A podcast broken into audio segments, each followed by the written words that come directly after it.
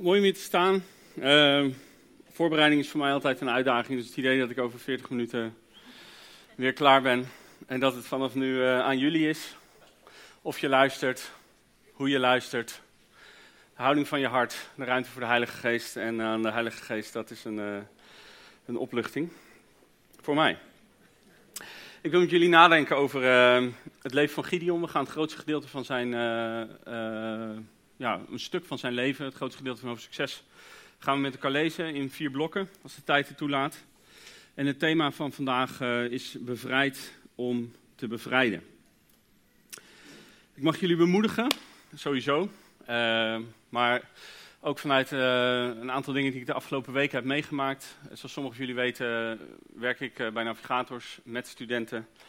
En we zitten op dit moment in een vrij intensief mannentraject met 14 gasten uh, in Utrecht.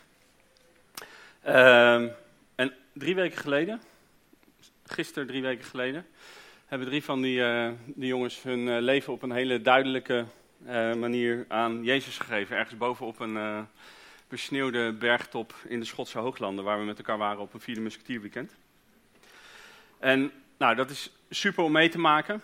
dit zijn allemaal jongens die al lid zijn bij NSU hier in de stad. Uh, allemaal tweedejaars toevallig. Allemaal opgegroeid ook in een christelijke context. Dus het is gelijk ook een signaal hè, van het feit dat wanneer je opgroeit in een christelijke context, dat het niet betekent dat het niet belangrijk is om voor jezelf je plek te bepalen. En om voor jezelf te beslissen of je bij Jezus wil horen, één, maar ook twee, of je hem wil volgen. En uh, deze keuze ging echt over volgen. Dit ging over het koningschap van Jezus en de keuze om uh, hun leven voor het eerst in zijn hand te leggen. En uh, het is fantastisch om bij een van die gasten te zien hoe. Ja, het is meer dan dat er een soort licht in hem is aangegaan. Dat het nu begint te kloppen. Iets waarvan hij wel wist dat het klopte, maar wat nu in hem tot leven is gekomen. Het is echt een verschil van dag en nacht bijna op sommige gebieden. Uh, wat ik de afgelopen weken in zijn leven mag, uh, mag zien gebeuren. En uh, een van de bemoedigende dingen, uh, die, tenminste die mij zelf heel erg bemoedigde, is ongeveer een week nadat we terug waren. Toen ontmoetten we elkaar weer. En toen vertelde hij dat hij een, uh, een echte K-dag had gehad, die dag ervoor. Zo noemen we het uh, dan maar even voor dit moment. En dat hij thuis was gekomen. En dat hij in plaats van misschien de computer aan te gooien en te gaan gamen, wat hij vroeger veel had gedaan, dacht ik zet een kop thee en ik ga op de bank zitten met de Bijbel en ik ga proberen te bidden. Ik dacht, wat een gast. Hij is aan het leren om nieuwe gewoontes aan te leren, om ruimte te maken voor God. En het bijzondere was dat hij God ontmoette op die bank met die kop thee. En dat hij een dag later daarvan kon delen naar die andere veertien jongens. Laten we lezen. In eerste instantie vers 1 tot 10. Als je een Bijbel bij je hebt, uh, pak hem erbij. Papier, digitaal. Uh, rechtere 6 rechters 6 moet ik zeggen, of richteren 6 in de oude vertaling. Ik lees vanaf vers 1. Maar de Israëlieten deden wat slecht is in de ogen van de Heer. Daarom leverde hij hen uit aan het volk van Midjan, dat hen zeven jaar achtereen kwam plunderen. Uit angst voor de Midjanieten richtten de Israëlieten in bergspleten, grotten en op andere moeilijke bereikbare plaatsen schuilplaatsen in. Elk jaar wanneer het gewas op het veld stond, kwamen de Midjanieten, de Amalekieten en nog andere woestijnvolken uit het oosten aanzetten en vielen ze Israël binnen. Ze sloegen er hun tenten op en vernietigden de oogsten tot helemaal in Gaza. Niets lieten ze voor de Israëlieten over om van te leven. Nog geen schaap, geen rund en geen ezel.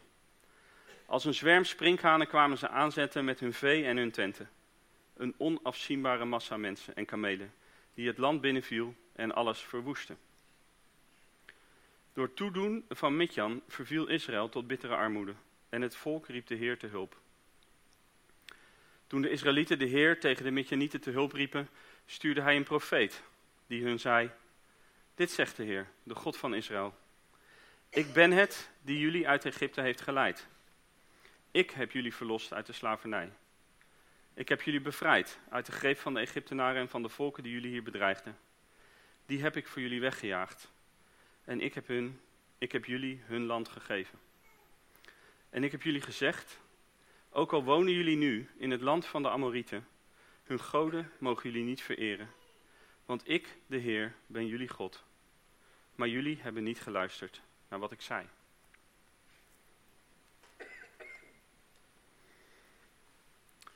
In vers 1 lezen we, maar de Israëlieten deden wat slecht is in de ogen van de Heer. Daarom leverde hij hen uit aan het volk van Midjan.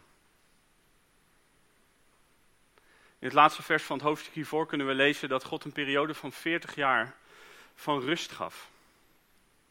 Nadat het volk bereid was geweest om terug te keren naar Hem. En nu vallen ze in datzelfde patroon. Ze deden wat slecht was in de ogen van de Heer. En God kon niet anders dan daarop reageren door hen uit te leveren aan hun vijanden.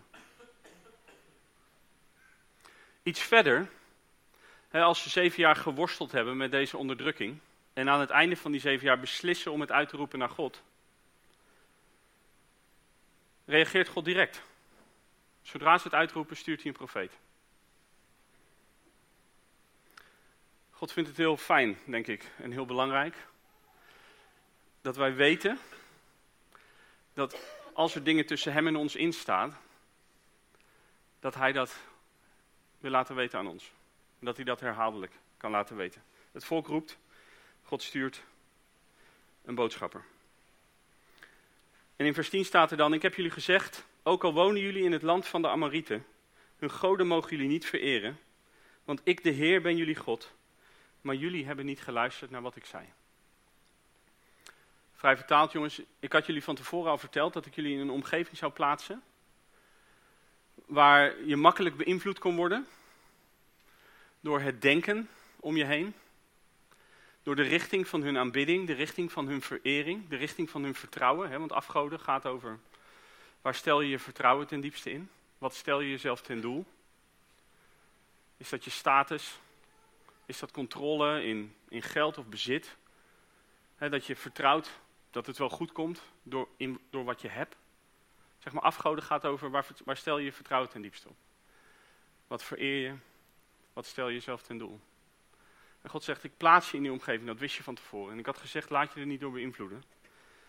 Maar dat hebben jullie wel gedaan. En daarom ben je gaan doen wat slecht is in mijn ogen, vers 1. En daarom leef je nu in armoede. Ik deed eh, een tijdje geleden bijbelstudie uh, uh, in dit gedeelte met een groep studenten. En ik vroeg hun wat hen opviel. En een van die gasten die zei, het lijkt wel alsof de mens tegen God zegt, waarom bent u zo ver weg? Waarom keert u zich van mij af? Terwijl God tegen de mens zegt, waarom ben je zo ver weg? Waarom keer je niet bij me terug?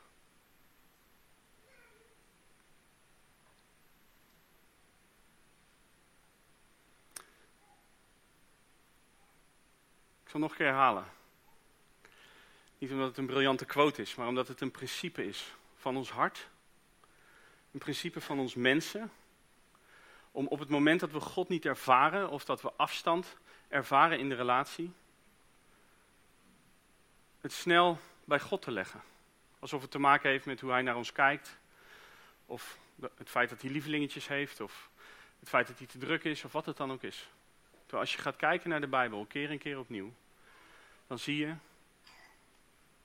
dat het de mens is die bij God is weggegaan. Die van hem af is gelopen en die bij hem terug mag keren. Dat noemen we bekering. Ik zat in mijn voorbereiding te stoeien met het woordje toen, vers 7. Toen de Israëlieten de Heer tegen de Midjanieten te hulp riepen, stuurde hij een profeet. want er staat dat het zeven jaar duurde. Nou, zeven is het getal van de volheid. En ik weet niet wat waar is. Of het dus Gods volmaakte moment was om te zeggen, nu ga ik opnieuw de Israëlieten helpen om te herkennen wat zij kunnen doen om terug te keren bij mij. Of dat de tijd vol was dat de Israëlieten zat waren om zover verwijderd van God te leven. En dat ze echt wilden weten, wat is er nou aan de hand? Want dit kan het niet zijn. Voor vanochtend maakt het niet uit. Als God naar je toe komt door deze preek, vanochtend door de aanbidding. Als hij zijn vinger op een plek legt in je leven, wat misschien een zere plek is. En hij nodigt je uit om op die plek ruimte te maken voor hem. Om opnieuw ruimte te maken voor hem dan is dat een teken van zijn genade dat hij verlangt dat je dichterbij komt. En misschien zit je hier en herken je jezelf op die plek waar de Israëlieten waren, dat je al voor langere tijd leeft in geestelijke armoede. En durf je aan God de vraag te stellen. Wat de Israëlieten ook deden toen ze het uitriepen naar God. Heer, laat zien wat er aan de hand is. Ik heb het even zo samengevat. Gideon groeide op in een tijd waar er vermenging was. Want zijn vader, daar zullen we zo meteen over lezen, en zijn broers en zijn volksgenoten, die leefden en met de God van Israël en met de godden van de Amorieten. Ze hadden niet door, of ze waren niet moedig genoeg, om te kiezen voor of de God van Israël, of de goden van de omringende volken. Niet of of, maar en en.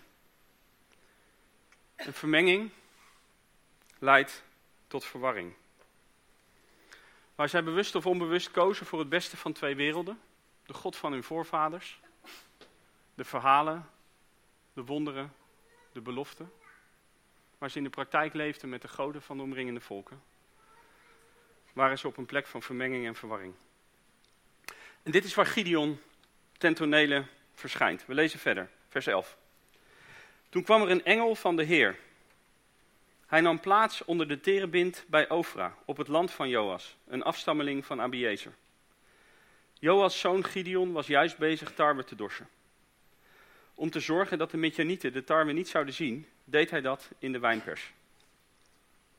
De engel van de Heer vertoonde zich aan hem en zei: De Heer zij met je, dappere krijgsman. Mag ik u vragen, antwoordde Gideon. Als de Heer ons werkelijk bijstaat, waarom overkomt dit ons dan allemaal? Waar blijft hij dan met zijn wonderbaarlijke daden, waarover onze voorouders hebben verteld? Uit Egypte heeft hij ze geleid, zeiden ze toch? Nu trekt hij zich in elk geval niets van ons aan en zijn we overgeleverd aan de Midjanieten. Toen wendde de Heer zich tot Gideon en zei: Toon je moed en bevrijd Israël. Dat is mijn opdracht. Mag ik u vragen, antwoordde Gideon. Hoe zou ik Israël kunnen bevrijden? Mijn familie heeft in onze stam Manasse niets in te brengen en ik zelf ben de jongste van de familie. De Heer antwoordde: Dat kun je omdat ik je bijsta. Je zult de Midjanieten verslaan alsof je met niet meer dan één man te doen had. Toen zei Gideon: Heer, als u het bent die tot mij spreekt en ik uw gunst geniet, geef me dan een teken. Gaat u vooral niet weg. Ik wil iets halen om u aan te bieden. Goed, antwoordde de Heer. Ik blijf hier totdat je terugkomt.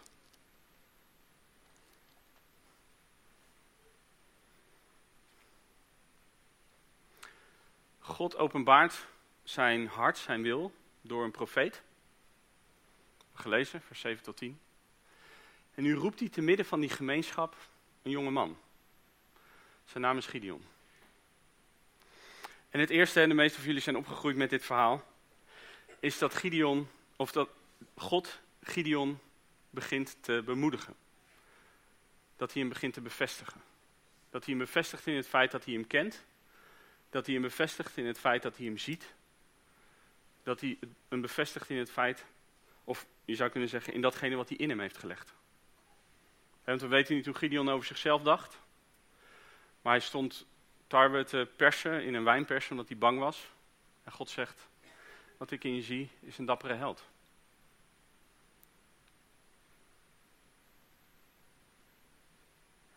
Het mooie van Gideon, kunnen we denk ik allemaal iets van leren, is dat hij de dialoog met God gaande houdt.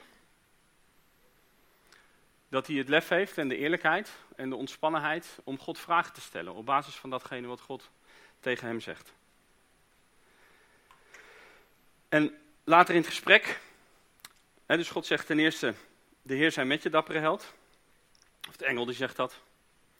En ten tweede zegt hij, toon je moed en bevrijd Israël. Dat is mijn opdracht. God roept Gideon voor een taak. Een grote taak. Want wat Gideon kende, de realiteit waarin hij leefde, hè, daar, daar, daar, deelt hij een stukje van. Is ik ben de jongste van een onbelangrijke familie. En de realiteit die hij kende om zich heen, was zeven jaar lang onderdrukking op het niveau dat niets overbleef. Dat elke keer op het moment dat er iets was, er een onafzienbare menigte van vijanden kwam om alles te roven wat maar enige waarde had. Dat is zijn realiteit. En God zegt, mijn realiteit is dat ik nu met jou in gesprek ben. Dat ik je net heb verteld wat ik in je zie, wat ik in je heb gelegd. En dat ik je vraag om dat te geloven en je plek in te nemen. En deel te worden van datgene wat ik aan het doen ben. Namelijk, ik ga dit volk bevrijden. En daar ga ik jou voor gebruiken. Toon je moed en bevrijd Israël. Dat is mijn opdracht. Gideon die blijft in gesprek. En God zegt als antwoord op zijn hoe, geeft hij geen antwoord in de strategie, maar wijst hij weer naar zichzelf. En dan zegt hij, dat, dat kun je omdat ik je bijsta. Je zult er met je niet te verslaan, alsof je met niet meer dan één man te doen had. Dit gesprek, en dan blaas ik het natuurlijk een beetje op,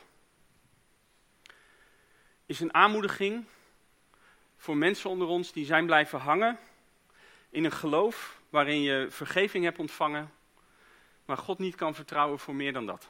je kan God net vertrouwen om straks naar de hemel te gaan. Je kan hem net vertrouwen dat je, dat je waarschijnlijk vergeven zal, zal worden op het moment dat je bij hem bent. Maar het idee dat hij jou ook ziet, het idee dat als hij naar je kijkt, dat hij enthousiast wordt over datgene wat hij ziet, dat hij de potentie ziet die nog verborgen zit. En dat dat voor hem niet iets natuurlijks is, maar dat dat deel is van zijn geestelijke reis, zijn geestelijke verhaal met deze, deze nou ja, wereld, met Nederland, met Utrecht waar je ook woont, met de buurt waar je woont. En dat hij jou daar roept als een Gideon, om niet alleen in relatie met hem te mogen leven voor straks, maar nu een bevrijder te zijn van mensen die hem voor het eerst mogen leren kennen. Een bevrijder te zijn van mensen die leven in onrecht op kleine of grote schaal. Om je sfeer van invloed te herkennen als een plek waar hij je plant. God geeft Gideon een plek. En het is goed nieuws als je worstelt met onzekerheid over jezelf. Dat als jij bereid bent om de dialoog met God gaande te houden, dat Hij bij machten is om je te blijven bevestigen tot het moment dat je Hem gaat geloven en dat je er ook in gaat staan. En zit je hier en heb je geen idee? je gelooft wel dat je mag geloven. En je gelooft. En nu leef je gewoon je leven. Dan wil ik tegen je zeggen, God heeft een plan met je leven. En het is belangrijk dat je erin gaat wandelen, want het is een plan van bevrijding voor mensen om je heen. We lezen verder, vers 19. Gideon ging snel naar huis. Hij, mocht, uh, hij mocht God uh, uh, beproeven, zeg maar. Hoe zeg je dat? Um, een test. Gideon ging snel naar huis. Hij maakte een geitenbokje klaar. En hij bakte ongedecent brood van een eva tarwebloem. Hij legde het vlees in een mand en goot het kookvocht in een kom. Hij bracht het naar degene die onder de terebind zat te wachten en bood het hem aan. De engel van God zei tegen hem: Leg het vlees en de broden hier op dit rotsblok en giet het kookvocht erover uit. Gideon deed wat hem gevraagd was. Toen raakte de engel van de Heer met het uiteinde van zijn staf het voedsel aan en meteen laaide er een vuur uit het rotsblok op dat het vlees en de broden verteerde.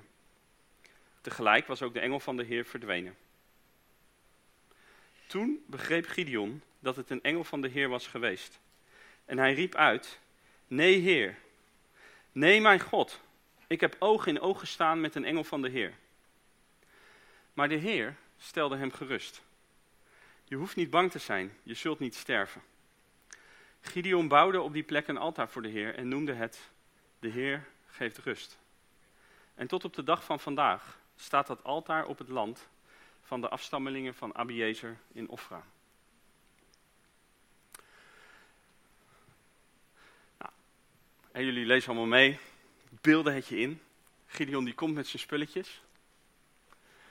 De engel die raakt het aan. vuur, het wordt verteerd. En poef, hij is verdwenen. Wauw. Gideon is echt uh, de slimste van de klas. Die denkt, dit kan niet. Dit was God.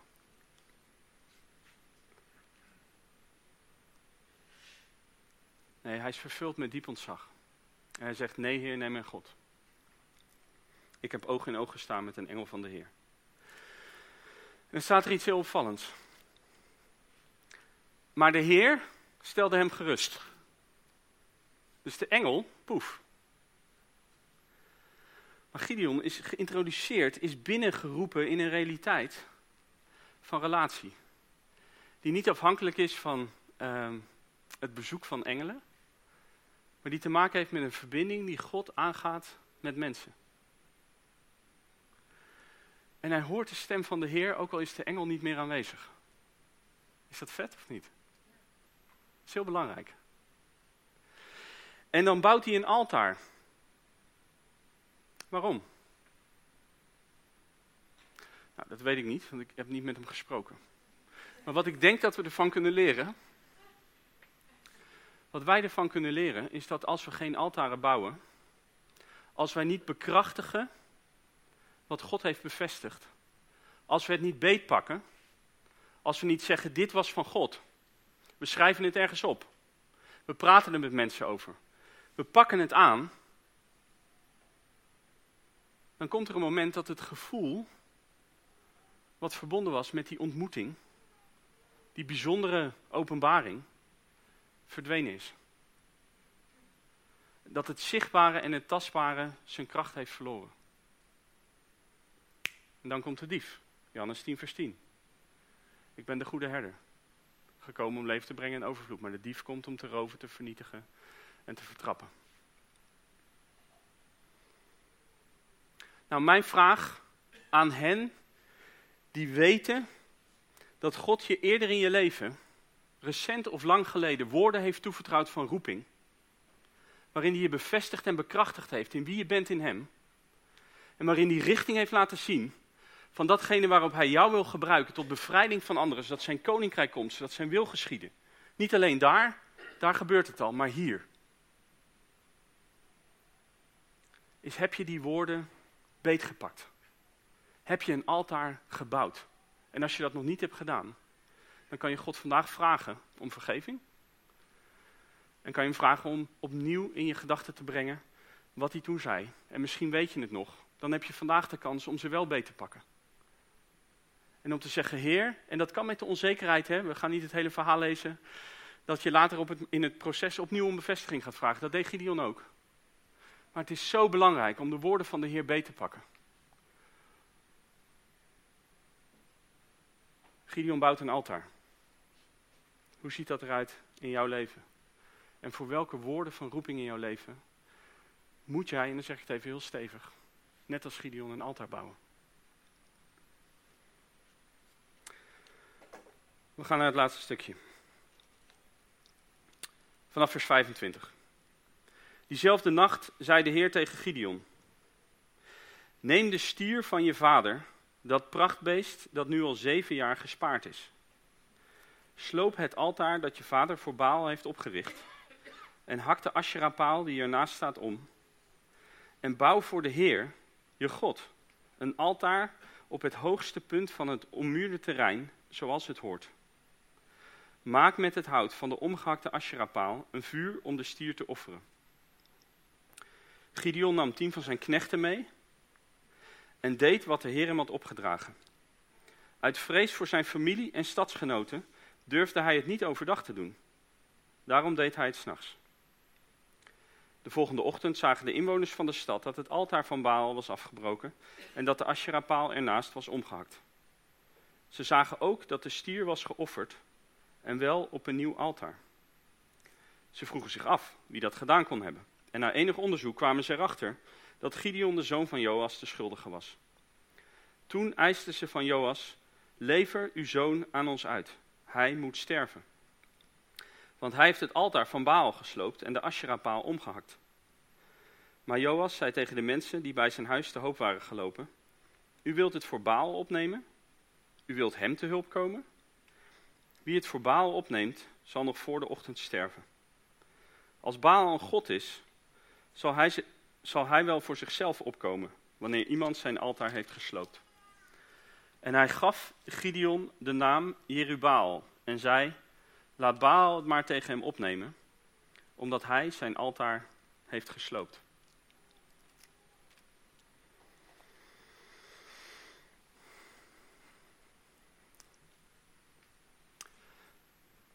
Gideon heeft een persoonlijk altaar gebouwd. En nu gaat God hem iets leren over publieke altaren. Gideon heeft ervaren dat God hem geroepen heeft. En waar hij daar onzeker over was, heeft God hem bevestigd. En opnieuw, ik weet niet wat er in zijn hoofd omging. Maar het is zo interessant dat het moment dat hij durft te geloven dat God hem roept om zijn volk te bevrijden, dat God hem geen militaire training geeft, of een plan, of een strategie, maar dat hij Gideon vraagt om een hele moedige daad van gehoorzaamheid, waarin hij zichzelf moet opstellen tegenover zijn vader tegenover zijn broers en tegenover zijn gemeenschap.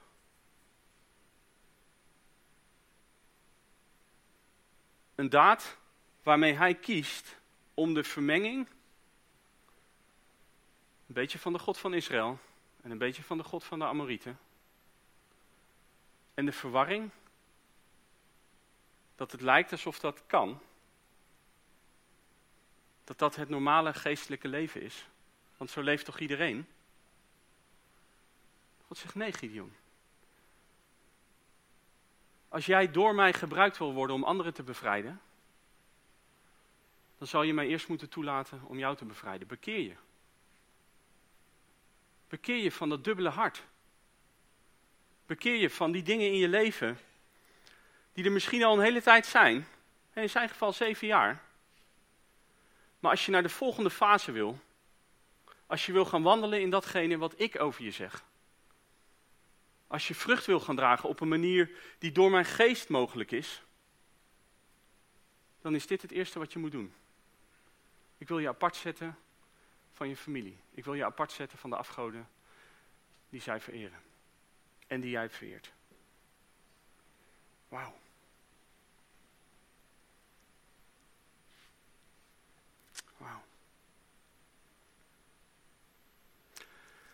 Mijn vraag aan mezelf in de eerste plaats is, is dit mijn vraag, is dit mijn gebed? Heer, ik heb een verlangen om door u gebruikt te worden. En ik besef dat het belangrijk is dat ik u dieper laat werken in mijn hart. We kennen het verhaal van Jezus. De hemel gaat open en er komt een duif. Hij wordt bevestigd als geliefde zoon hij wordt bekrachtigd als de Messias en de Heilige Geest leidt hem in de woestijn om getest te worden. We kennen het verhaal van Mozes. Op het moment dat hij begint te geloven dat God hem geroepen heeft om de bevrijder te zijn, dat betekent zijn naam, maar hij dat in eigen kracht en op zijn eigen manier, op zijn eigen moment gaat doen, wordt hij door God, of eigenlijk, ja, doordat hij bang is voor de farao, maar onder Gods soevereine hand de woestijn ingeleid, zodat 40 jaar lang zijn karakter geslepen kan worden. Zodat hij klaar is om te wandelen in zijn roeping. Op Gods manier, op Gods moment. En voor Gideon was het niet een heel proces, maar was het een keuze. Of hij zich wilde bekeren van datgene wat er in zijn hart aan dubbelheid aanwezig was. En hij doet het. Hij vindt het spannend. Hij doet het s'nachts. Hij doet het samen met anderen. Maar hij doet het. En het is zo interessant in dit verhaal, vind ik in ieder geval, dat waar hij onzeker is over wie die is in God, dat hij God vraagt om bevestiging en hij krijgt het. waar we vandaag niet aan toekomen, als die onzeker is dat het echt de tijd is om het volk te gaan bevrijden, dan doet hij eerst dat met die vliesjes. Hè, van heer, uh, grond nat, vlies uh, droog, andersom. Hij vraagt om een bevestiging en hij krijgt het. Als hij onzeker is op het moment dat het tijd is om ze eruit te jagen, in de kracht van de Heilige Geest, dan zegt God Gideon, als je bang bent, loop dan even naar beneden. Dan zal ik je bemoedigen. En dan loopt hij het kamp in. En dan zegt de ene soldaat tegen de ander, die niet weten dat hij meeluistert. Ik had een droom, bla bla bla, kan je lezen, hoofdstuk 7. En dan zegt die andere soldaat, oh, de betekenis van die droom is dat Gideon ons vandaag gaat verslaan in de kracht van God. En dan loopt hij bemoedigd weg en dan doet hij het. De, het enige stuk in het verhaal waar hij niet vraagt om een bevestiging, is als God de vinger legt op datgene in zijn hart wat niet recht is. Wauw.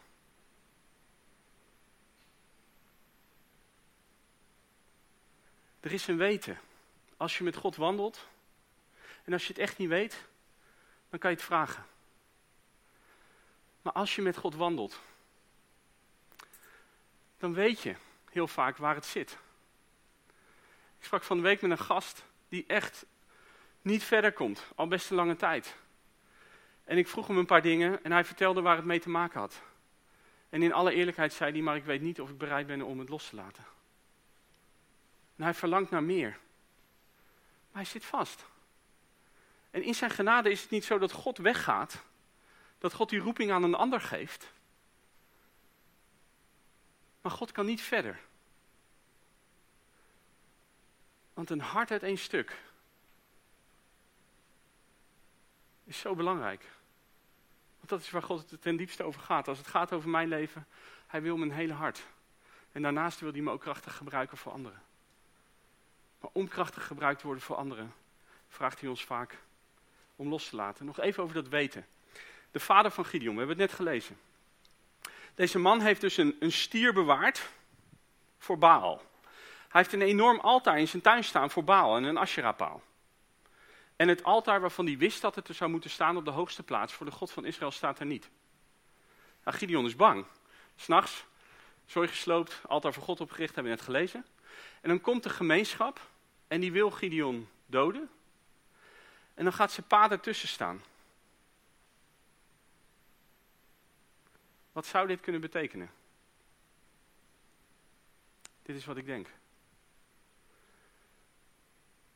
Er is een weten.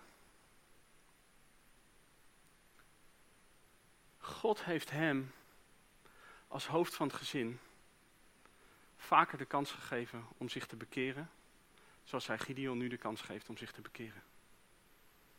Maar hij heeft het niet gedaan. Hij heeft het gelaten. Hij is blijven leven in de realiteit van vermenging. Een beetje van God. En een beetje van de afgoden van die tijd.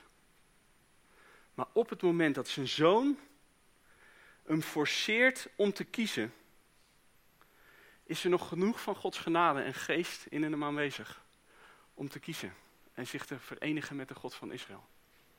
En zich met Gideon apart te laten zetten ten opzichte van de gemeenschap. Hoe vet is dat? Het effect van bekering, ook mannen, hoofden van het gezin, de plek waar je leiding geeft in je werk, waar je woont in je buurt. Bekering is altijd het begin van meer. Oké, we gaan afronden. Uh, ja, die hebben we gehad. Dus Gideon wordt apart gezet van iets, zodat hij apart gezet kan zijn voor iets. En opnieuw, de mens als, ik, als, ik, als jij mij zou vragen, laat ik het zo zeggen, of als ik jou zou vragen, wat is je vijand? Als je het mij zou vragen, dan zou ik zeggen dat zijn, uh, mijn vijanden zijn problemen, dat zijn uh, ingewikkelde omstandigheden, hardnekkige zonden in mijn leven, uh, moeilijke mensen in alle eerlijkheid, strijd. Dat, is, dat is vaak de realiteit van vijanden, van volken, die komen om te roven zodat we leven in armoede. Geestelijk, emotioneel, fysiek. Weet je wat Gods vijand is?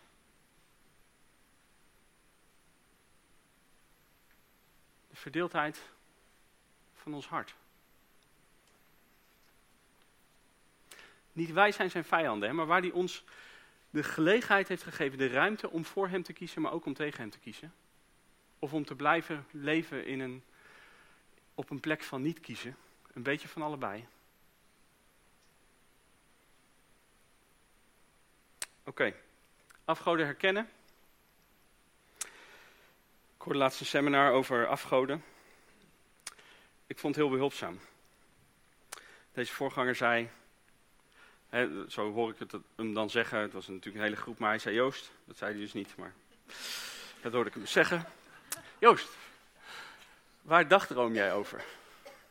Als je nou wil herkennen wat afgoden zijn in jouw leven, en het gaat niet over persoonlijke pijn of over persoonlijke zonde, hè, dingen die in de weg kunnen zitten, die we kunnen vasthouden, waardoor er geen ruimte is voor God en zijn geest.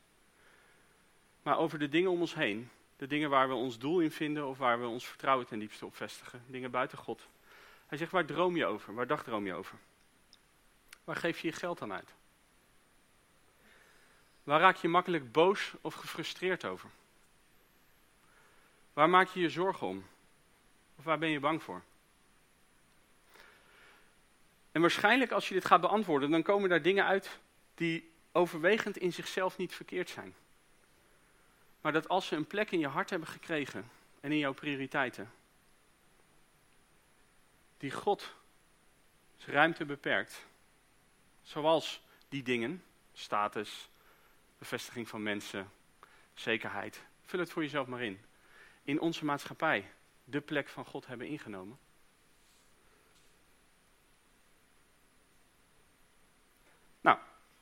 Was een Engelse seminar Recognize, Repent and Replace. Dus als je dit wil, hè, als je ervoor gaat bidden, gaat God het je laten zien. Helemaal op het moment dat je ook mensen toelaat die dichtbij je staan om je vragen te stellen of om je af en toe te spiegelen. Dat is natuurlijk niet comfortabel. Recognize, je gaat het herkennen. Dan is de oproep bekeer je ervan. Dat heeft te maken met een gebed, maar ook met keuzes. Het wegdoen uit je midden. Het praktisch maken. Vrijheid komt pas op het moment dat je kiest en niet alleen op het moment dat je bidt. En vervangen.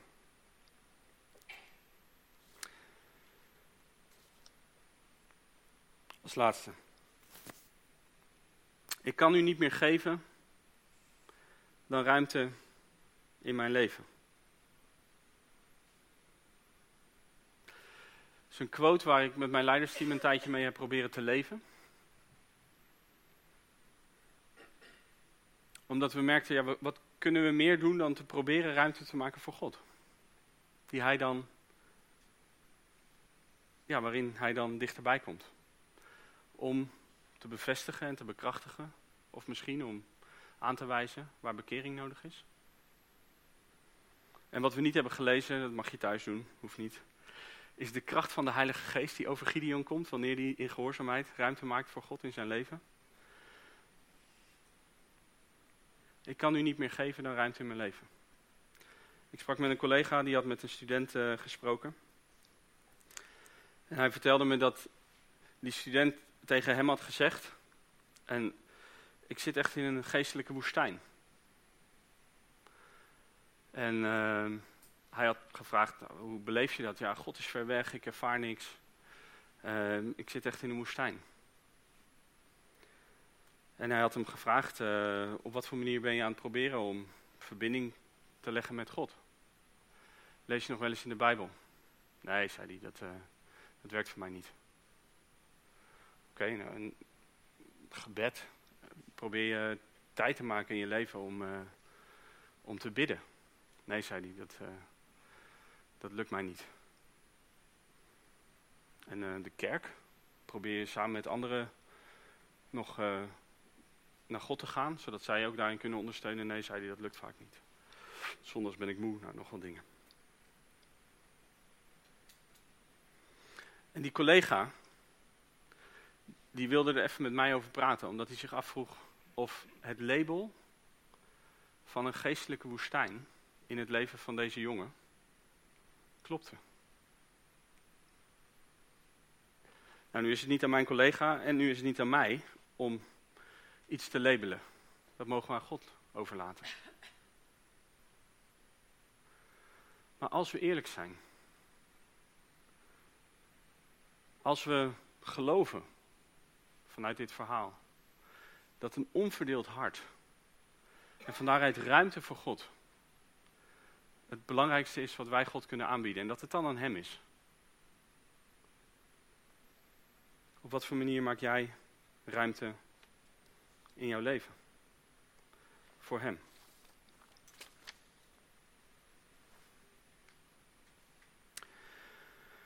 We gaan naar de tijd van bediening, zoals we dat hier in de gemeente af en toe noemen. Ik uh, noem het reageren op God. Ik wil twee keer een vraag aan je stellen en dan een minuut stil te nemen, zodat je als je wil daarin ja, met je hele hart die vraag aan God kan stellen. We hebben gekeken naar de roeping van Gideon. Laten we een minuut stil zijn rondom deze vraag, die waarschijnlijk niet nieuw voor je is. Waar roept God jou voor? En dat kan gaan over grote dingen. In zijn leven ging het over een heel volk bevrijden. We beseffen dat dat ook kan gaan over kleine dingen, dingen voor deze week. Maar laten we de Heilige Geest de ruimte geven. Waar roept God jou voor?